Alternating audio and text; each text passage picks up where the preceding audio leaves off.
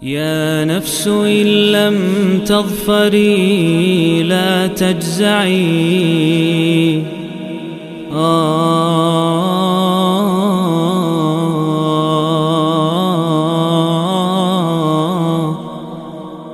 بسم الله الرحمن الرحيم الحمد لله والصلاة والسلام على رسول الله أما بعد Kali ini kita di pertemuan ke-47 bersama surat Nabi kita Muhammad Sallallahu Alaihi Wasallam. Masih dalam serial 114 hari menyambut bulan Ramadan Dan surat Muhammad Sallallahu alaihi wasallam merupakan surat Madaniyah Setelah banyak kita bicara dan menjumpai surat Makiyah sebelum-sebelum ini Kita kembali kali ini bertemu surat Madaniyah di mana surat Nabi Muhammad SAW turun setelah surat Al-Hadid dan sebelum surat Ar-Ra'd. Terdiri dari 38 ayat. Surat ini disebut dengan surat nama uh, surat Nabi Muhammad SAW karena diambil dari kata Muhammadin di ayat kedua dari surat ini. Dan cocok dengan tema besar dari surat Muhammad ini yaitu apa? Ittiba' Nabi Shallallahu Alaihi Wasallam sebagai syarat diterimanya amal. Tiba Nabi Shallallahu Alaihi Wasallam sebagai syarat diterimanya amal.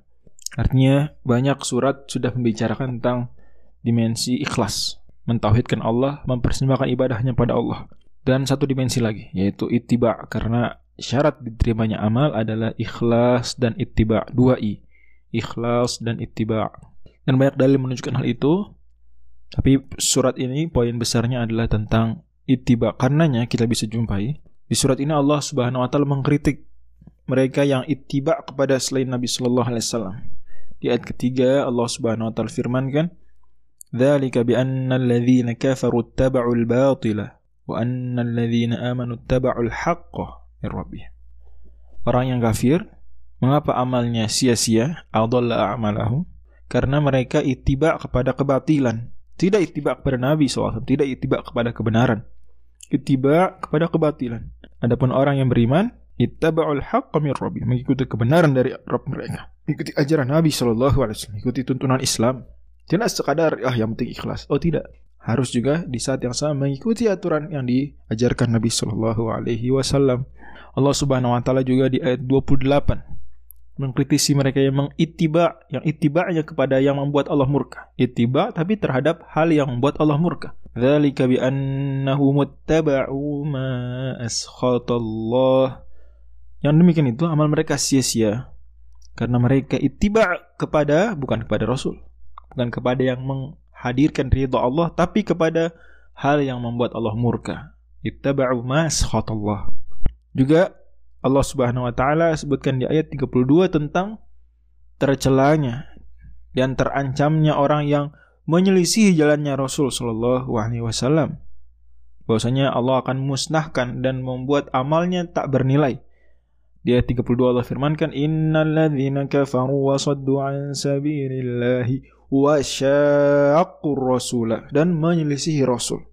Kata Allah di akhir ayat wa sayuhbitu. Allah akan buat amal mereka tak bernilai. Sebaliknya Allah Subhanahu wa taala di ayat 33 lanjutannya menyuruh kaum mukminin untuk tak hanya mentaati Allah tapi juga mentaati Rasul. Dan dengan demikian maka amalnya tidak sia-sia. Allah berfirman, "Ya ayyuhalladzina amanu Allah." Taati Allah. Di antaranya adalah dengan mentauhidkan dengan mengikhlaskan niat kepadanya. Wa ati'ur rasul. Di antaranya dengan mengikuti ajarannya, beritiba ittiba kepada ajaran sunnah beliau sallallahu alaihi wasallam. Maka wala tubtilu amalakum jangan buat amal kalian sia-sia sebab kalau kalian tidak ikhlas dan atau tidak ittiba kalian tidak memenuhi satu dari dua syarat diterimanya amal ini maka kalian membuat amal kalian sia-sia. Dan di surat ini juga Allah Subhanahu wa taala banyak menyebutkan kesia-siaan amal dan sejumlah sebabnya. Allah Subhanahu wa taala juga mewanti-wanti agar jangan sampai orang itu melakukan kemunafikan, ria, kemudian keluar dari agama, kemudian meninggal di atas kekufuran seperti ayat 34 wa matu wa hum kufar. Ini semua bentuk ya hal-hal yang membuat amal sia-sia, tidak bernilai, batal atau dari awal memang sudah tidak diterima.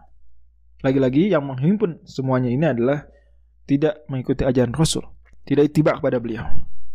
Sallallahu alaihi wasallam. Sebaliknya, Allah juga bawakan contoh-contoh bagaimana praktek nyata ittiba kepada beliau. Di antaranya adalah perhatian terhadap ilmu. Allah firmankan di ayat 16 tentang majelis ilmu. Kemudian termasuk ittiba kepada Nabi adalah mengamalkan ilmu yang telah dipelajari. Tidak hanya menghadiri di majelis ilmu dan serius mempelajari ilmu seperti di ayat 16, tapi seperti di ayat 17 juga mengamalkan ilmu tersebut sehingga Allah akan tambah ilmu dan amalnya. Walladzina tadau zadahum hudan wa atahum taqawahum.